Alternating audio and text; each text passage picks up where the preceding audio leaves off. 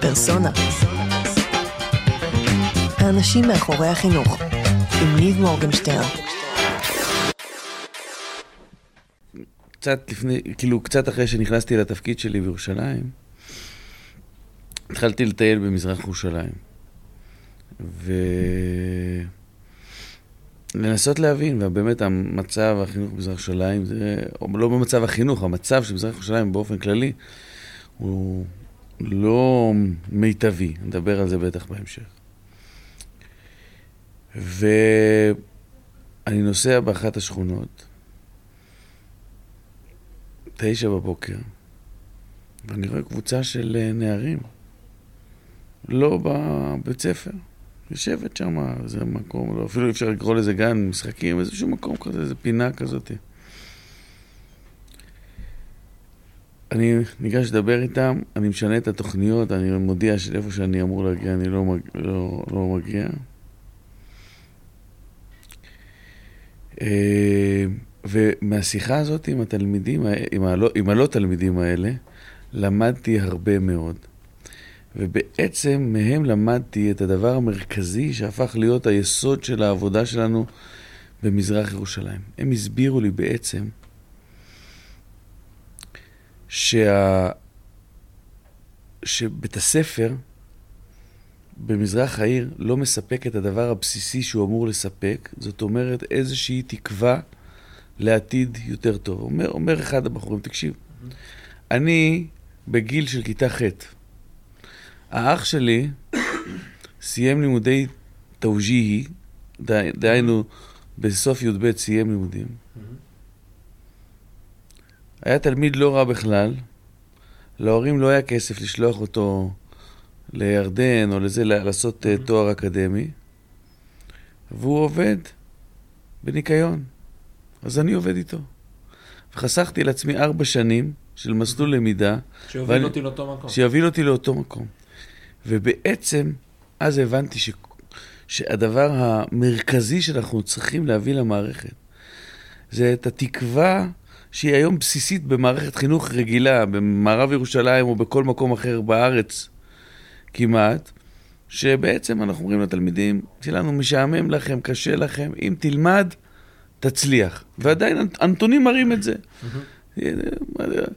סובל בבית ספר, מעיין בבית ספר, קשה לך בבית ספר, שרדת, עשית בגרות גבוהה, הלכת לתואר ראשון, הסיכוי שלך לפרנסה יותר גבוה, לפרנסה, לפרנסה גבוהה, אה, אפילו לקשר עם עבריינות ומה שרוצה.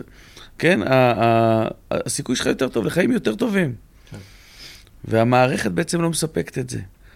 ואנחנו עובדים קשה מאוד, והמערכת היום שונה לגמרי, והיא מבוססת הרבה על השיחה הזאת עם קבוצת התלמידים. אה, התוכנית, השלד של התוכנית, מבוסס. חלק מהדברים כבר התחילו לעשות לפני, ומרכיבים רבים לפתח נוספו, אותו. נוספו mm-hmm. אחרי, היה צריך להביא לזה הרבה מאוד משאבים כספיים, mm-hmm.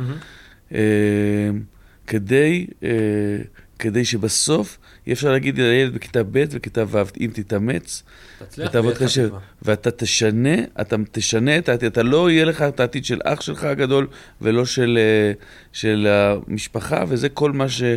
התקווה של כל משפחה ענייה היא לצאת מהמעגל הזה, לצאת מהמעגל שהילד לא ילך בעקבות האבא בהקשר הזה, ושיהיו לו יותר אפשרויות ויותר פרנסה ויותר תעסוקה.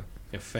תודה רבה. אז uh, אביב, מה שלומך? בסדר גמור, טוב מאוד. איזה כיף שזה קרה בסוף ונפגשנו, אז נגיד גם שלום למאזינים שלנו ומאזינות, אז אהלן, ברוכים השבים לפודקאסט פרסונה.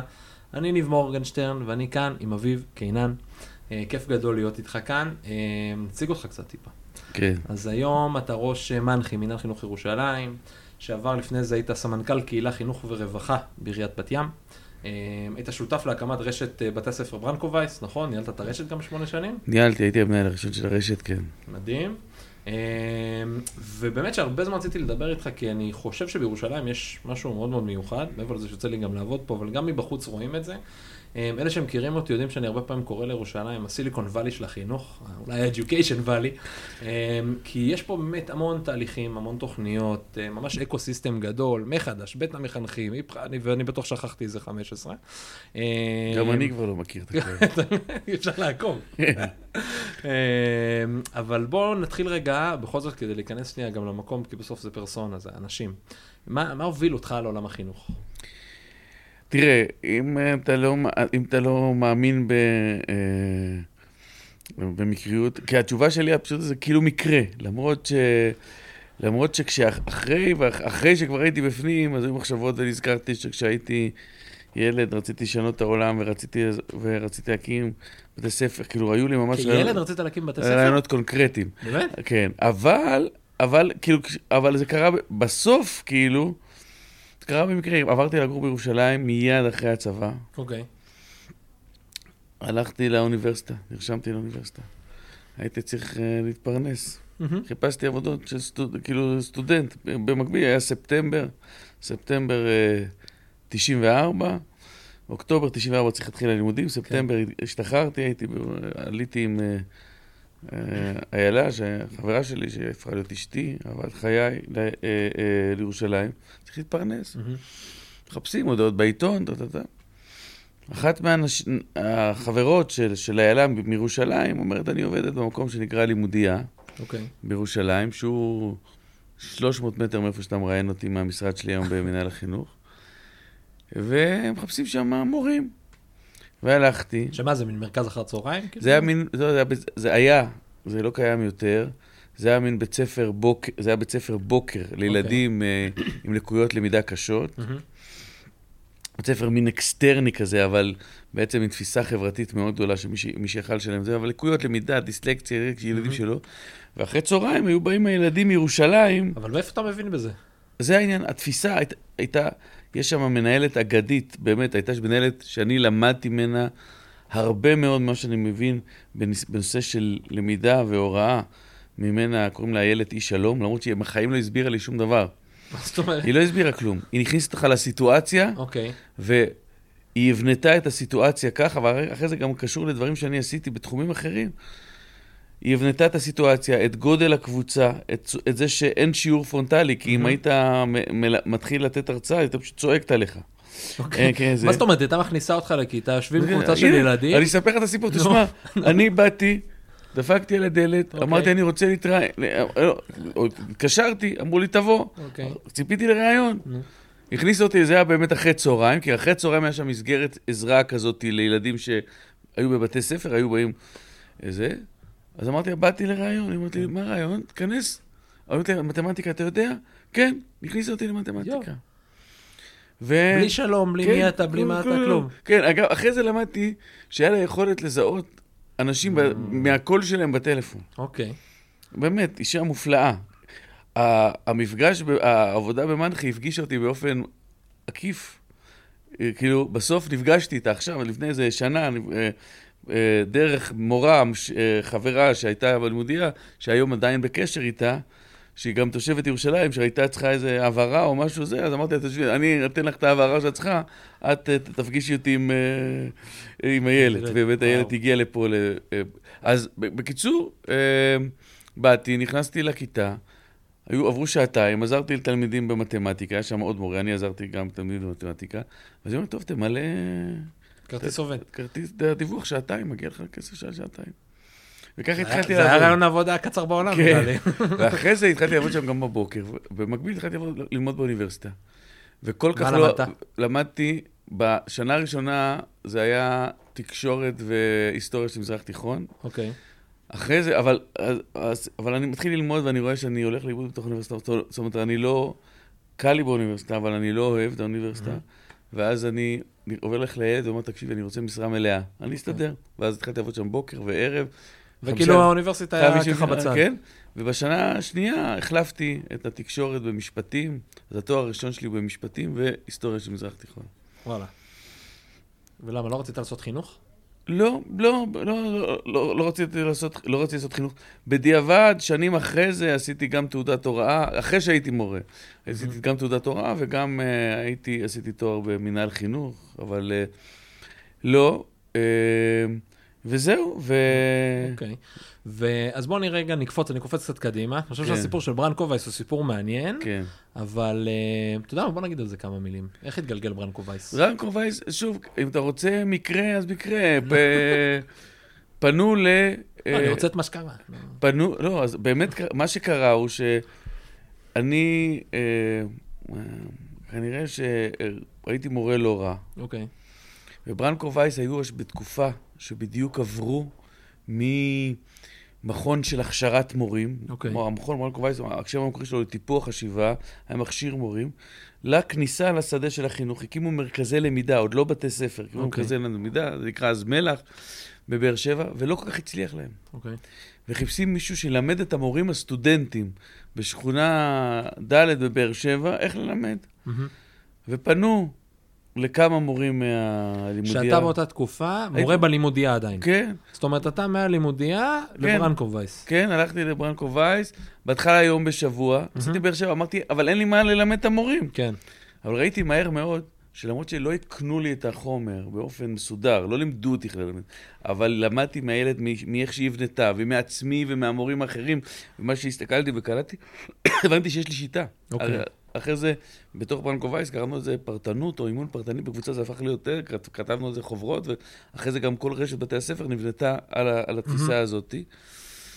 אמ, זהו, אז התגלגלתי לברנקו וייס, עשיתי שם כמה תפקידים, אבל התפקיד המרכזי ששווה להכביר עליו משפט, זה אה, הייתה באמת הזכות אה, להיות שותף להקמה של רשת בתי הספר ולנהל את רשת בתי הספר שמונה, כמעט שמונה שנים.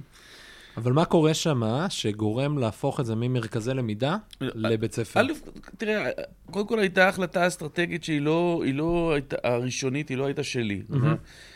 אה, הייתה החלטה, אני נכנסתי לתוך ההחלטה הזו, אוקיי. מכיוון שהייתה לי חוויה עצומה. בבית ספר הראשון שהוקם, של ברנקו וייס שהוקם, בית ספר ל- לנוער בסיכון הראשון במרום הגליל, מהמם. שהקים אותו חבר טוב שלי, אה, ירדן בן חורין, והיו צריכים עזרה, כי מהמם. אני הבנתי משהו בילדים האלה ובהתנהלות, ו... ובמקביל לתפקיד אחר שעשיתי בברנקו וייס, עליתי לשם ולימדתי תלמידים. הראש... הראשונים שעשו בברנקו וייס, באתגרים שנקרא אחרי זה, נוער בסיכון, ש... שעשו בגרות, אני הייתי המורה שלהם למתמטיקה. אוקיי. ואני התאהבתי בדבר הזה, וחשבתי שזה נורא חשוב הכיוון שהמכון הולך עליו. חשבתי שצריך להקים עוד כאלה, והלכתי להקים עוד כאלה בתי ספר.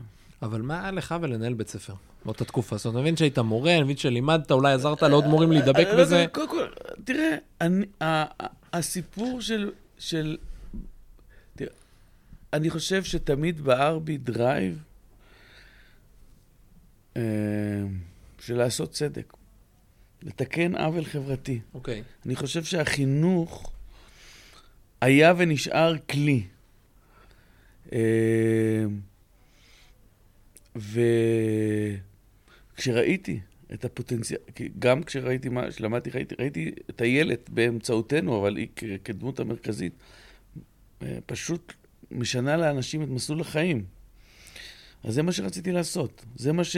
זה מה שאני רוצה לעשות היום, אתמול ומחר. אוקיי. לשנות באמצעות חינוך את העובדה שילד נולד למשפחה מסוימת, או עם לקות מסוימת, או עם אתגר מסוים, הרבה פעמים זה כלכלי, פריפריה, מרכז, כל הסיפור הזה, והרצון שלי לתת לו באמת הזדמנות שווה ולתקן את העוול שהוא נולד לתוכו, העוול המובנה שהוא נולד לתוכו. אה, ואם חינוך, אז חינוך. ואין אין, אין כלי יותר טוב מחינוך ואני אומר את זה כמי שהיה אחראי על רווחה בבת ים. אין כלי יותר אפקט... גם על רווחה בבת ים. אין כלי יותר אפקטיבי מחינוך מלהוציא, מ- מלעשות, לעמוד במטרות רווחתיות. כן. אה, וזהו, ו... והיה רוח גבית אז ממכון ברנקו וייס, מהמנכ"ל הראשון של ברנקו וייס, דוקטור דן שרון, והמנכ"לית שהתבנתה אחר כך, ניבה חסון, לרוץ ולהקים את הרשת הזאת. ועוד בית ספר ועוד בית ספר, וזה היה, זה היה מסע נפלא, והייתי מאוד צעיר. בן כמה היית? כשניהלתי את הרשת, התחלתי לנהל את הרשת ב-2004, אז אוקיי. הייתי בן 32. וואו. יש כמה בתי ספר היום? בערך. היו, היו, כ- היו בודדים, ולא זוכר בדיוק את זה, והקמנו, כשעזבתי את המכון, לדעתי, היו 15 בתי ספר. אז בא לי לשאול אותך שנייה שאלה על אותה תקופה, שהיית בן 28. שאלה אולי קצת קשה. 28 או 32? 32, סליחה. כן, לא, אתה- שהיית בן 32. אה, יש דבר כזה, אני לא יודע אם אתה מכיר אותו, שנקרא אה, The Imposter Syndrome, תסמין המתחזה. בסדר? שמעת על זה פעם? לא. זה תסמין שקורה לפעמים לאנשים שמרגישים ש... אה, אתה יודע, הם עושים, הם עובדים, הם עושים עבודה טובה, הם מקבלים פידבקים מהסביבה, אבל בפנים בפנים, כשהם יושבים עם עצמם, הם אומרים, וואי, אולי אני לא באמת מבין, אולי אני... אתה יודע, התגלגלתי, הרבה פעמים אנשים מתגלגלים לכל מיני סיטואציות. קרה לך לפעמים בינך לבין עצמך, לשבת במשרד, בבית, אני לא יודע, איפה שישבת, להגיד, וואו, יש פה רשת ענקית, אני בן 32, יכול להיות, אני לא יודע, יכול להיות שחלק מהמנהלים שתחתיך היו מבוגרים יותר, המורים היו, מבוגרים היו, יותר, היו. ואתה אבל אומר, רגע, הרשת הושתתה על מנהלים צעירים, אבל בוודאי שחלקם היו מבוגרים ממני. אה, האמת, לא לא נעים לי להגיד לא. לא? לא, לא. בגדול, כאילו, אני כל החיים שלי בתוך איזו תחושת אה, שליחות שהיא היא, היא קיצונית, היא, ויש לה מחירים, ויש לה... אה, ובסך הכל אני גם לא, לא כל כך עוצר ל, לחשוב כאילו על ה... על ה- לא על ה- ברפלקציה. כן, לא, לא, לא, לא, אני עושה הרבה רפלקציה כן. על העבודה ומה אני לא עושה כמו שצריך, אבל לא על הסיטואציה אה, עצמה. ואני מניח שהייתי בפנים, הייתי עמוק בתוך החוויה הזו, ובסך הכל זה גם הצליח, כאילו לא, לא, ולא, ולא נחזור להיסטוריה הרחוקה שלי כילד, כן. אני לא, לא, לא רוצה לחזור, כאילו, לדבר על זה, אבל, אבל יצאתי מהילדות והנערות וזה עם תחושת מסוגלות מאוד גבוהה. שכאילו שאפשר לעשות הכל. ש... ש... ושזה אינטרני, זה, זה, ש... ש... שזה בתוך הבן אדם, מהמם. שזה לא... ומין אופטימיזם חסר תקנה, לא אופ- אופטימיזם של... אה, מטיפשות, כן. לאופטימיזם, ש, ש, הדבר העמוק באופטימיות, שאופטימיות באה עם זה שאתה נחוש להשיג את זה. כי מה זה באופטימיות? לא הצלחתי פעם אחת, אבל יש סיבה לנסות עוד פעם, כי כן. זה, לא, זה אומר שמשהו בי בפנים, מהמם. לא עשיתי משהו מספיק טוב, אבל אם אני אנסה עוד פעם, אחרת אני אצליח. זאת אומרת, יצאתי עם תחושה שאם אם חשוב להקים את הרשת הזאת, ויש אנשים טובים שיעזרו להקים את הרשת הזאת, ואנחנו נקים אותה ונעשה אותה הכי טובה בעולם. והבאמת, בתי הספר האתגריים, אז והיום, של ברנקו וייס, זה, זה מוצ, מוצר במרכאות חינוכי הכי טוב שיש. מעניין. אתה יודע, אתה יודע לשים את האצבע על, כי אתה יודע, הרבה באמת מהדברים, מאנשי חינוך, בנויים על החוויה שלהם כילדים. זאת אומרת, על החוויית הכישלון שלהם, אמרתי לך שראיינתי לא מזמן את יעקב, אז יעקב הכט, אז הוא, אה, אתה יודע, גם כן, כילד בן 16, נטש את המ... כאילו, עזב את המערכת, ו... אתה יודע להגיד מה בנה לך את התחושת מסוגלות הזאת? תראה, אני, אני, אני לא חושב שזה קשור ל, למערכת. אני חושב שכילד, אה, הייתי ילד, אה, היום אני יודע להגיד את זה, ב, זה מראה לאחור. בראייה לאחור, מאוד מאוד אה, מבוגר, כאילו אוקיי. מאוד מאוד, אה, אה, ומאוד עצמאי. זו סיטואציה מאוד, ש... או דרשה עצמאות, או שלקח לי עצמאות, לא חשוב. מהמם. ו... ו... וכאילו, ה... ה... אני חושב ש... אני חושב שמשהו שם, ו... ובסיטואציה הביתית, ב... בצדדים הטובים שלה, כן. ובצדדים הפחות פחות טובים. שלה, כמו בכל בית, כן. אה, עודדו הביא לך את העצמאות הביא את הזאת. העצמאות ואת התחושת. מסוגלות ואת, ה... וזה ש... ואת זה שאפשר, אה, זהו. אוקיי. אז בוא עכשיו רגע, אני קופץ, למרות שהתקופה שלך בבת ים היא מאוד מעניינת, בוא נלך רגע לתקופה בירושלים. אמ, מה הוביל אותך להיות ראש מינהל חינוך בירושלים? אז יום אחד אה, צלצל טלפון של אה, מישהו שאני לא מכיר, מירושלים, ושאלתי אם זה מעניין אותי. אוקיי. אה, האמת היא שאז כבר הודעתי בבת ים שאני עוזב, וכבר הייתי סגור פחות או יותר לאן אני הולך. דן. הייתי אמור לחזור למגזר השלישי, למעגלים של, כמו של ברנקו וייס וכולי וכולי, מהמם. מעגלים היותר נוחים של החיים, יותר מתגמלים של החיים, יותר...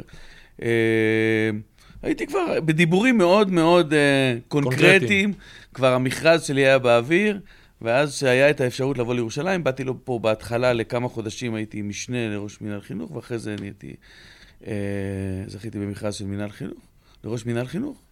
אה, אז גם זה קרה במקרה, הטלפון הזה יכל... אגב, אם הטלפון הזה היה מצלצל חודש, חודש וחצי אחרי זה, כבר הייתי כבר היית חתום. במקום אחר. לא, לא, הייתי נשאר עוד בבת ים לחפיפה וכאלה, אבל כן. הייתי כבר חתום במקום אחר. הבנתי, זה בא בא בזמן, כמו שאומרים. כן, יפה, טוב, אז ירושלים עיר מורכבת. כן. מה, איך אתה מסתכל על ירושלים? תראה, בתפקיד הזה, אני אגיד, אני אגיד שני דברים על הזה. בתפקיד הזה, או בפוזיציה הזאת, או בירושלים, יש כמה אתגרים. כשנראה מבחוץ ונראה מבפנים, אז זה קצת אחרת. קודם כל, יש את המגוון, ה... את המגוון, ה... אה, מגוון המגזרים והתרבויות שיש פה. יש לנו שלושה מגזרים מרכזיים, שציבור אה, הכללי, שאנחנו קוראים לו ממלכתי, ממלכתי-דתי. יש את החרדים ויש את הערבים, כל אחד בפני עצמו הוא העיר הכי גדולה במדינת ישראל. אה, ו... אה, אה, וזה מגוון, אני רואה בזה את כל, ה... באמת את היופי של ירושלים. זאת אומרת, אני חושב שלולא המגוון הזה, אחרי שעשיתי את בת ים, לא עניין אותי לבוא לירושלים רק בגלל שזה יותר גדול. עניין אותי בגלל המגוון הזה, להתעסק במזרח ירושלים, להתעסק במערב ירושלים, להסתכל בציבור החרדי. זה, זה, זה עניין אותי סך כל החוויה, ואני חושב שיש בה הרבה הרבה יופי. ומה ש... אני זוכר, אני, אני מספר את זה, זה סיפור שאני מספר הרבה. גם בירושלים, בגלל המורכבות, התלבטתי אם לבוא למכרז. אוקיי. אם להגיש את המכרז הראשון. היו סיבות כן, סיבות לא, וניגשתי למשנה, וזה עשה רעשים שאני ניגש למשנה, ראש מינהל חינוך. אה, ואני זוכר את היום שבאתי לפה להגיש, היום האחרון להגשת המכרז, באתי. אוקיי. עליתי במעלית, בקומה ארבע, פה שני קומות, שתי קומות מעלינו, ובאתי, באת אבל להגיש את המכרז. ניגשתי. אני מתקשר לאשתי כשאני יוצא משם, ואני אומר לה, מאה אחוז הייתי צריך להגיש אותה. אני אומרת לי, מה קרה? אמרתי, עליתי במעלית, רגיל. אבל במעלית הייתה ערבייה, והיה חרדי, וממלכתי. היה כל מדינת ישראל, היו במעלית הזאת. עכשיו, היום, זה הכי טבעי. כן. כשאני מתווכח עם בחורה ערבייה, עם בחורה חרדית, עם אה, בחור אה, ממלכ... אני לא מתווכח איתו על... על אנחנו לא... אנחנו כאילו באופן מאוד טבעי, כמו אנשים, מתווכחים על גו- גובה של בניין, על שיפוץ או על תוכנית חינוכית. כן. אבל כשאתה בא מהמרכז, ואתה בא, אה, ואתה לא, לא חווה את ה... זו חוויה מאוד מאוד עוצמתית, זה מה שריגש אותי, העניין הזה, שבאופן הכי טבעי, במעלית, בחנייה, כאילו כל... יש לך את כל עם ישראל. יש לך את כל עם ישראל. ואז זה עניין אחד, מהמם. וזה הכיף של ירושלים. אוקיי. מה לא כיף בירושלים? האתגר הגדול במינהל החינוך אוקיי. הוא הגודל שלו. הוא הגודל הניהולי שלו, והיכולת להגיד, לתת uh, חוויה uh, לת- ל- למנהל, למנהל בית הספר, להורה, לתת חוויה של מקום אינטימי, מהמם. לא כמו בת ים, אלא כמו, יותר, כמו קריית מלאכי. הכי אינטימי שאפשר. זאת אומרת, למרות הגודל הענק. למרות שמכיר, ואם אתה שואל אותי בסוף, ניהולית, מה הדבר המרכזי שעשיתי, לא בתוכן, זה שהפכתי, שהקטנתי את מנחי, במובנים הזה שאת מנהל החינוך, במובן הזה שלכל מנהל בית ספר יש כתובת. ויש לו אמון בנו, כי הוא Mhm. מרגיש, הוא יודע מה זה המפלצת הזאת, היא לא עושה עליו רגולציה. כן. היא לצידו עומדת לו ש... כשחם וכשקר. הוא כועס עליה או אוהב אותה, אבל הוא, היא, היא חלק ממנו. וזה כלי, זה הדבר היחיד, המנוע היחיד שיכול, אתה אמרת קודם, ecosystem ו- וחדשנות ודברים נפלאים שאנחנו עושים, אבל זה, המנוע, הדלק של הדבר הזה, זה האמון שנוצר בינינו לבין מנהלי בתי הספר, דרך זה שנהיינו רלוונטי אל- אליהם. ובשביל זה היה צריך להשטיח ולהקטין את מינהל החינוך ככה שיהיה להם כתובת, ולכתובת הזאת יהיה כלים לתת להם לדברים היומיומיים שלהם, הבסיסיים שלהם. זה האתגר בעצם הניהולי המרכזי של להיות ראש מינהל. זה ההבדל הגדול בין להיות בבת ים לבין אה, לירושלים. כאילו, ברור... למה? אי אפשר לעשות את זה בבת ים? לא, להפך. שאתה- בבת ים זה יותר קל, היו לי 40 מנהלי בתי ספר בבת ים. אוקיי, הייתי מוודא שכל שבוע אני מדברתי עם כולם, אוקיי. ופתרתי להם את הבעיות. בסדר? ניהול מאוד אה, ביזורי, כמו כן. שאומרים. ממש. אה, אה, והיו באמת לידי עוד כמה אנשים מצוינים בבת ים, שעשו אותו דבר, זהו. כן. אבל פה שזה מאות בתי ספר, ומעל אלף גני ואלף ו- גני ילדים, אתה חייב לוודא שאתה יוצר תשתית ניהולית.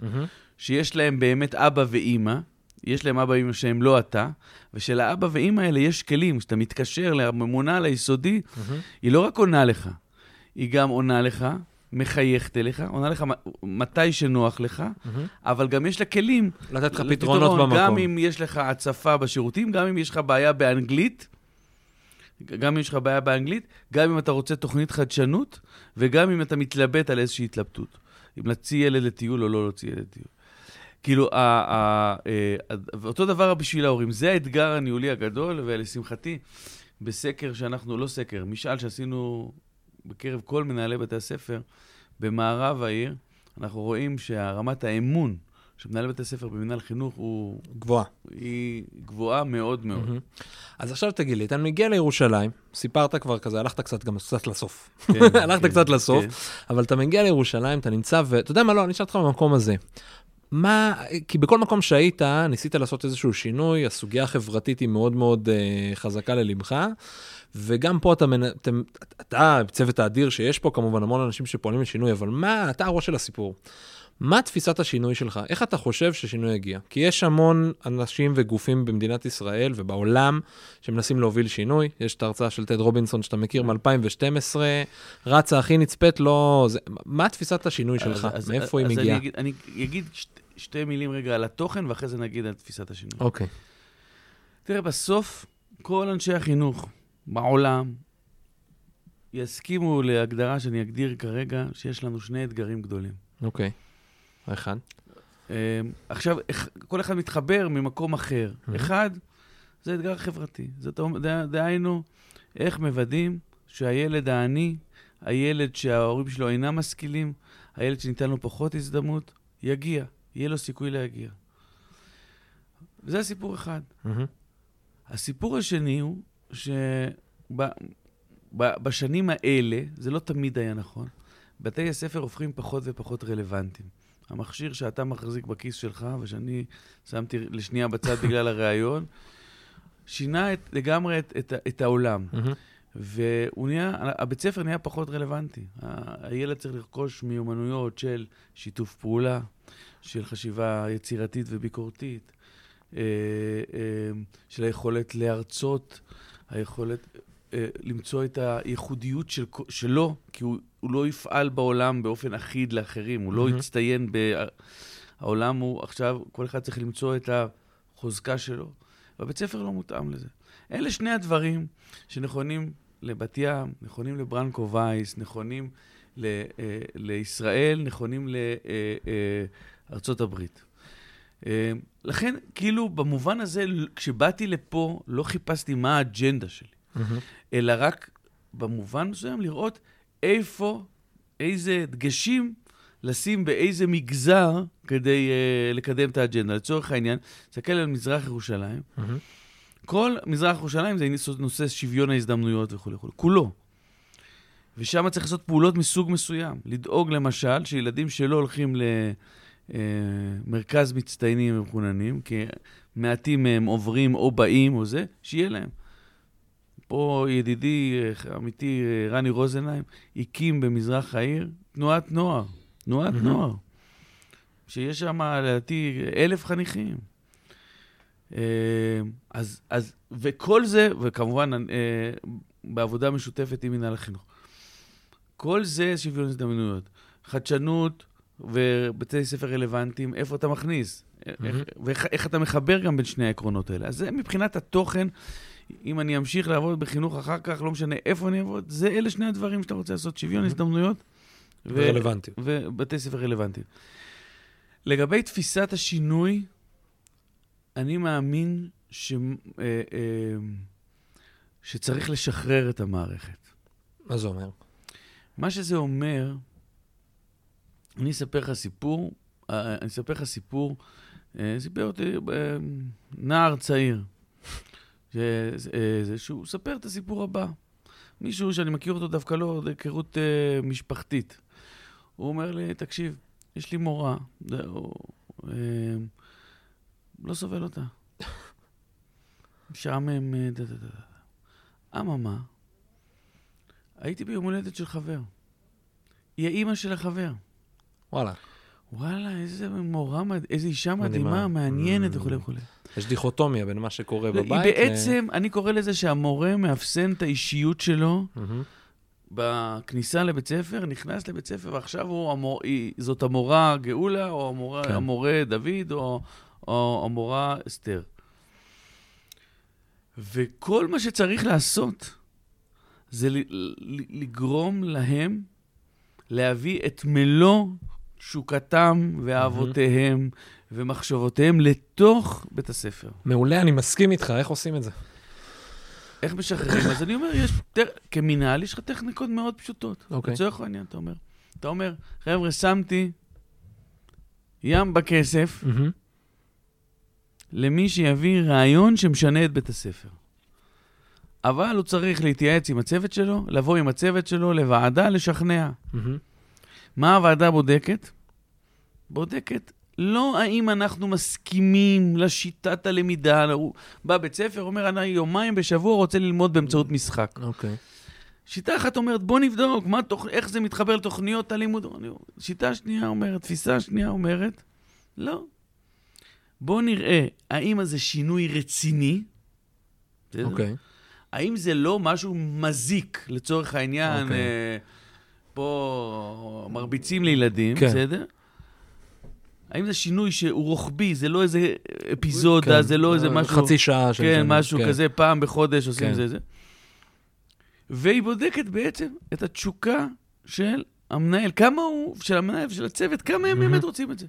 עכשיו, אתה נותן להם תקציב, מהמם. לא לתוספת שעות הוראה, כי בזה אני לא מאמין, לדברים אחרים, רוצים תוספת לליווי, אה, לאוטובוסים לטיולים, אם זה כרוך בזה, לשינוי פיזי של המרחב שלהם, שאני מאמין בו מאוד, בשינוי פיזי כדי לעשות אה, שינוי פדגוגי. אוקיי. וכולי וכולי, אתה נותן להם.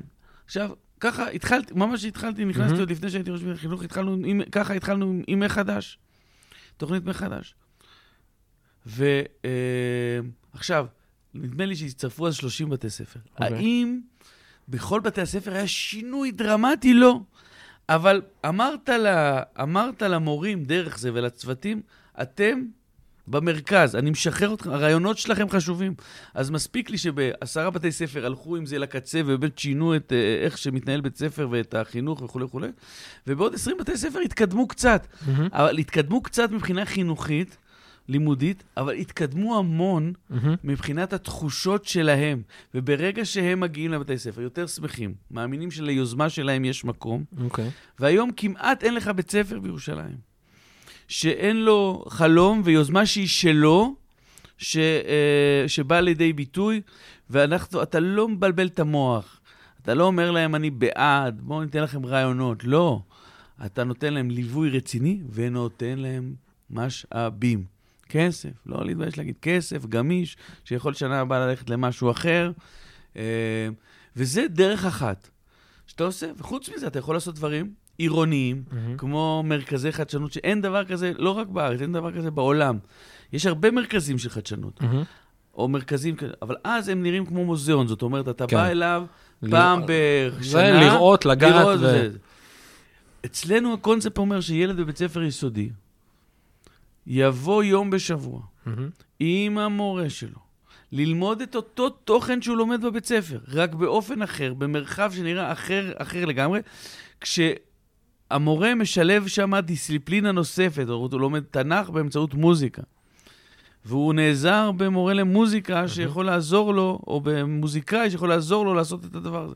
זאת אומרת, העיקרון הזה, ואתה עושה כל מיני פעולות שבסוף עוזרות למורים להבין שיש עידן חדש, והעידן הזה הוא יותר הזדמנות מאשר, אה, יש בו כל כך הרבה הזדמנויות, וכל מה שהם צריכים זה להביא את עצמם. מאוד אהבתי. ועל כל התוכניות האלה, שאני חושב שבאמת שהן מדהימות, ומה שסיפרת עכשיו על המרכז החדשנות, אנחנו מדברים בעצם על המודל של נכון, והמודל איפכא. של ה... ויקומו עוד כמה, כמה, עוד כמה כאלה ל-1 לספטמבר 20, כן. כן. עד שכל ילד ירושלמי... יהיה לו מרכז חדשנות מתחת לבית. כן. אז אני, אני מאוד אוהב את המודל הזה, ומי שמאזין לנו, אז או שמע או יכול לשמוע גם את אייל, כי ראיינתי את אייל עוד בתחילת הדרך, את אייל אנקרי. יאללה, האחד והיחיד. אה, כן. אה, ואני רוצה לשאול אותך על התוכניות, כי אני אמרתי בהתחלה שאני מאוד אוהב את המגוון של התוכניות, אבל לצד זה גם עולה, בא לי להיות ביקורתי רגע. אינפלציה. אה, כן, למה כל כך הרבה? למה לא להתמקד במשהו אחד? יש פה גם שינוי פיזי, יש פה גם שינויים פדגוגיים, גם דברים רוחביים שמדברים על מנהלים, גם דברים של החינוך המיוחד, שזה פרפרים, גם... זאת אומרת, יש פה המון המון המון תוכניות, לפעמים גם אולי, לא יודע, אולי לפעמים טובים בתוכניות, למה להתעסק בכל כך הרבה דברים? אה, קודם כל, זו שאלה טובה, ויכול להיות אה, איזשהו, איזשהו מיני הסדרה של העניין. אבל כשמדברים על חופש ועל עצמאות, וכשמדברים על שייכות, הבלאגן עושה גם טוב. זאת אומרת, אה, עכשיו, שוב, לכל היוזמות האלה יש עקרונות מאוד מאוד דומים ופשוטים. כן. תביא את הרעיונות שלך, נעזור לך להגשים אותם. כן? הם מתמקדים בשני ערכים, שוויון הזדמנויות, ולהפוך את בתי הספר לרלוונטיים. עכשיו, בהחלט יש פה שאלות ארגוניות של איך, אה, האם אפשר למקסם את הסדר ביניהם. עכשיו, לצורך העניין, אם אתה, אם אתה מדבר באמת על זה, נניח, לצורך זה הולדנו בשנתיים האחרונות בית ספר להכשרת מנהלי בתי ספר, ב- בית ספר להכשרת מנהיגי חינוך נקרא לזה. אה, והיום יש סגנים ואנשים, אה, מורים מובילים וכל מיני אה, אה, אה, דרגות שלומדים. זה אפילו לא לומדים ביחד. בעצם לוקחים את ההובלה על ירושלים. באים מנהלי בתי ספר, נניח זה נקרא אצלנו מסלול יחדה, מציעים, אומרים, תקשיבו, בואו נכניס חונכות בתוך בתי ספר. בואו נראה, נייצר אה, אה, זמן חונכות בבתי הספר בירושלים. אומרים, אנחנו לוקחים את זה על עצמנו. אנחנו, אנחנו נבנה את זה. אנחנו, כל, כל מנהל בית ספר, חמישה אחוז מזמנו יהיה במילואים לטובת כלל המערכת הירושלמית. עכשיו, כל הדבר הזה, עכשיו זה גם, שוב, כמו שאמרתי לך, אני כבר לא מכיר את כל התוכניות, חוץ מבישיבות התקציב שאני צריך למצוא להם אה, כסף.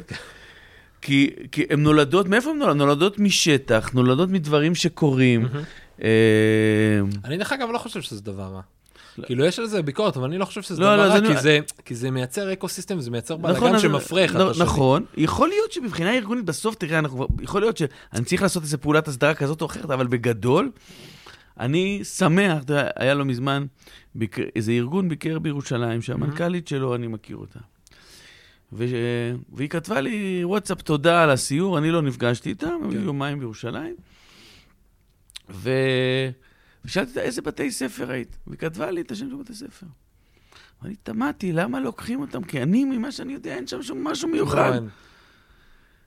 ואני מסמס למי שאני מסמס לשאול למה דווקא לקחו לבית ספר הזה, ומסתבר שבבתי ספר הזה יש תוכנית מטורפת, שאני אפילו לא מכיר אותה. משלם עליה, אבל לא מכיר אותה. אז כן, בסך הכל אני נהנה, בסך הכל זה טוב, ואני שמח שזה ככה, ושזה צרות טובות. אה, ויכול להיות שאתה יודע, ארגונית ככה או אחרת, כן צריך לעשות עוד משהו כן. כדי fine tuning כזה או אחר. אוקיי. טוב, אנחנו מתחילים להגיע לקראת הסוף, למרות שיש לי עוד מלא שאלות לשאול אותך. אתה גר בבית חשמונאי, נכון? כן. מה- בני כמה ילדים שלך? יש לי, הבת הגדולה שלי היא בת אה, 18 וחצי, והיא עושה עכשיו שנת שירות בקריית יערים, בכפר אוקיי. נוער. אני מאוד מאוד גאה בה על אה, זה. ויש לי אה, אורי, הוא בן, זאת לילך, אורי בן אה, עוד מעט 16, 15 וחצי, ושחר בן 13, חגגנו לו בר מצווה. והבת הקטנה מזל שלי... טוב. כן, והבת הקטנה שלי, אה, גלי, היא בת אה, שמונה. אתה יודע, אני הגעתי לעולם החינוך ממקום קצת אגואיסטי, שלילדים שלי יהיה חינוך יותר טוב. ואתה משקיע את כל החיים שלך גם בעולם החינוך. אבל אתה נמצא הרבה בבת ים, אתה נמצא הרבה פה בירושלים. יש משהו בך שככה מדגדג ואומר, רגע, ממש. מה קורה בעיר? אצלי, ממש. ביישוב שלי? ממש לא. אני אוקיי. חייב... אה, אני... זה גם קשור קצת לנושאים שדיברנו. אה, אפילו במקרים שבהם נדרשתי, ואתה יודע, היה לי גם מעמד, ברנקו וייס, יש לו בית ספר בבית חשמונאי. אה, אוקיי. אה, אני עברתי לבית חשמונאי אחרי שהיה שם בית ספר, ש- שברנקו וייס לקחו, ב- לקחנו בעלות על הבית ספר. הילדים שלי לא נהנו אף פעם מה... מ- לא, אני לא מדבר על הטבות, אני לא מדבר על לא, הטבות, לא, אני אומר, האם לא, אתה לא מסתכל לפעמים לא. ואומר, לא, לא, יותר מזה, לא. אוקיי. אני, אני אומר גם, אני אגיד, אני אגיד, אני אגיד, לא, אני רוצה, למה אמרתי את זה? כי אני רוצה להסביר, אני רוצה להסביר. בגלל שהדחף הגדול שלי הוא לשינוי חברתי, אז אם הילדים שלי, קצת הבית ספר משעמם, או קצת, לא יודע, יאללה, שחלק מההתמודדות, חלק מה... זה, אני לא, לא נבהל מזה ולא אומר, וואלה, אם הייתי יכול, הייתי עושה פה חינוך וכולי, חינוך יותר טוב, והייתי פועל פה, איפה שאני גר. לא, לפעמים אני מצטער, כן? לפעמים אני מצטער בתקופות שונות וכזה, שהם לא נהנים מבתי ספר כמו שמייצרים אה, אה, בירושלים. אני מקווה עכשיו שבמועצה אזורית גזר, אני מקווה בשביל המועצה, כן? ש, שיעשו בתי ספר עוד יותר טובים. יש מערכת חינוך טובה, שיעשו מערכת חינוך עוד יותר טובה. אה, אבל אה, לא, אין לי זה. אוקיי. בסדר גמור, מגיעים ככה לקצרת הסוף. אה, כמה שאלות אחרונות. מה הדברים הראשונים שאתה עושה בבוקר? אה, תראה, אני אה, פותח את העיניים, ואז, אחרי שאני פותח את העיניים, בקושי רב, אני קם, אחד ה... אולי הדבר הכי קשה לי בירושלים, זה שצריך להגיע לפני הפקקים. אז בפעם הראשונה בחיי אני קם בשעה מאוד מוקדמת. כל יום. כל יום, כל יום. וחוזר הביתה מאוחר, זה תמיד היה, אבל, כן. אבל uh, גם יוצא מוקדם. אז אני, אני חושב כמעט כמו כל ישראלי, אני פותח את הטלפון. ורואה את הוואטסאפים שהחמצתי, או שאני הבטחתי לעצמי לזה, וזהו, מתארגן וככה. מעולה. האם יש לך איזשהו כישלון שאתה מרגיש שלמדת ממנו בתקופה האחרונה? כי דיברנו הרבה על הצלחות, על דברים טובים, אבל אנחנו... לא תמיד הכל מצליח. אני, אה, כן, אני, אני אגיד את זה, אני, זה, זה לא, לא משהו אה, קונקרטי אחד. אני אגיד ככה, בגדול, האתגר של, אה, של מזרח העיר מרגיש כמו כל הזמן לדחוף מאוד מאוד מאוד מאוד חזק. כי מדובר פה על הזנחה של עשרות שנים, לא, לא רק בתחום החינוך, כאילו... ו, ו, ו, וכל פעם שאתה מרגיש שהתקדמת, אז אתה רואה, כן? אתה, אתה נצר, ואתה חושב שאתה תעשה את הפעולה הזו, וזה בטוח יביא את, ה, את השינוי, ותציע את התוכניות האלה, ו, ואתה רואה ש, אה, שיש דברים בקצב, כן? ש... פועלים בקצב אחר. הם שהם, ש, ש, ש, כאילו שאתה לא מספק אותו, שזה לא... עכשיו, אנשים מבחוץ אומרים לי, על מה אתה מדבר? זה מטורף מה שקורה. אבל בגלל שהתחלת מאוד נמוך מצד אחד, במצב של, כפי שאמרתי, הזנחה וכולי וכולי וכולי, אה, אז אתה מצד אחד רואה שינוי מאוד מאוד גדול, ומצד שני אתה רוצה יותר, וזה לא, לא תמיד... אה, לא אה, תמיד עובד. זה לא תמיד עובד. אוקיי. אז גם צריך לקום עוד שעה יותר מוקדם. תגיד, יש איזשהו משהו שאתה חושב שאתה מבין ממש טוב, ולפעמים אנשים סביבך לא מבינים את זה? אני אנסח את זה אפילו בצורה קצת אחרת. פיטר טיל, שהוא מייסד של אה, פייפל, בטח שמעת. כן. אז הוא אוהב לשאול אנשים הרבה פעמים בראיונות, האם יש איזה אמת שאתה מאמין בה, והרבה אנשים לא מסכימים איתך. זאת אומרת, אתה יודע, זה חזון שאתה דוחף אליו, שאתה זה, אני, כן, אז אני אגיד, אני אגיד משהו, אני לא יודע אם לא מסכימים, לדעתי רוב האנשים פשוט לא יודעים, יש סיבה שהם לא יודעים, אבל זה לא להיכנס לזה. אני חושב שהמצב שהפערים במערכת החינוך גדלים, לא חושב, יודע, מכיר את הנתונים בעל פה, היא סיבה מרכזית, סיבה מרכזית שלא מטפלים בה, אה, ואנשים לא יודעים אותה, וזה שבעצם בסוף ילד בפריפריה, במצטבר, מהרשות המקומית שלו וממשרד החינוך, ככל שהילד באוכלוסייה יותר מוחלשת, הוא מקבל פחות תקציב. אוקיי. כאילו, לכאורה, אתה יודע, אומרים, אה, אה, משקיעים, דיפרנציאלי. עכשיו, עכשיו, משרד החינוך עושה דברים נהדרים. משרד החינוך בתקופה הזאת, בנושא שוויון הזדמנויות, עושה דברים נהדרים. אבל בגלל פער שנוצר מרשויות מקומיות. לא בגלל שהן רעות, או פחות טובות, או פחות מוכשרות מעיריית תל אביב, לא, בגלל שהצורה, שאני לא אתכנס עליה, שבה מגיע התקצוב לרשויות מקומיות, ארנונה עסקית וכל הסיפור הזה, יוצא שבסוף, ככל שילד צריך יותר, הוא מקבל פחות במדינת ישראל.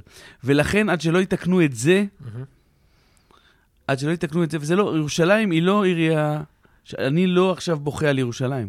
אני בוכה על uh, ערים בפריפריה. אגב, על בת ים שסובלת מהסיפור הזה uh, מאוד, למרות שהיא לא פריפריה, mm-hmm. ורשויות ערביות ורשויות בפריפריה האחרות, שבעצם ילד שנולד שם, יש לו פחות סיכוי באופן מובנה. Mm-hmm. באופן מובנה בגלל הדרך שבה מדינת ישראל, מתק... אה, בגלל שיטת התקצוב של רשויות מקומיות ושיטת הארנונה. וה... אה, וזה עוול שאני, אני, אני, אני, למרות שאני כבר לא בבת ים ארבע שנים, וזה כאילו פחות נוגע לירושלים. אני לא נראה, אני חולם עליו בלילה. כאילו זה משהו שמעסיק אותי, יש לי שיחות עם uh, דמיוניות, עם איך, איך, ו, ו, ומחשבות, וכאילו, וכל פעם שמישהו, שמישהו כותב על זה משהו, חצי משהו בעיתון, בזה, ושולחים לי, אז אני מגיב לזה, וכאילו, זה, uh, וזה יסוד הפער במדינת ישראל. לא יסוד הפער, יסוד, היסוד שמבטיח... את השימור של הפערים. את השימור ואת הגידול של הפערים. וזה אומר שבעצם... כל עוד לא ישנו את זה, כל עוד ישנו את זה, נמשיך לראות פערים בפיזה ופערים במיצבים ופערים בהשכלה גבוהה וכולי וכולי. לא בגלל שהאנשים פחות חכמים, לא בגלל שהם יותר... אה, זה, הם נולדים למקום שבו באופן מובנה התקצוב שמושקע בהם יותר נמוך, וזה לא קשור למאמץ האדיר שעושה משרד החינוך. זה קשור לדבר אחר שבעצם נתון בידי הדרגים הבחרים, הבכירים ביותר במדינת ישראל לשנות את זה, אבל כוחות מאוד מאוד גדולים לא, רוצות, לא, לא רוצים, לא ירצו לשנות את זה. תודה רבה, אביב. טוב, תודה לך.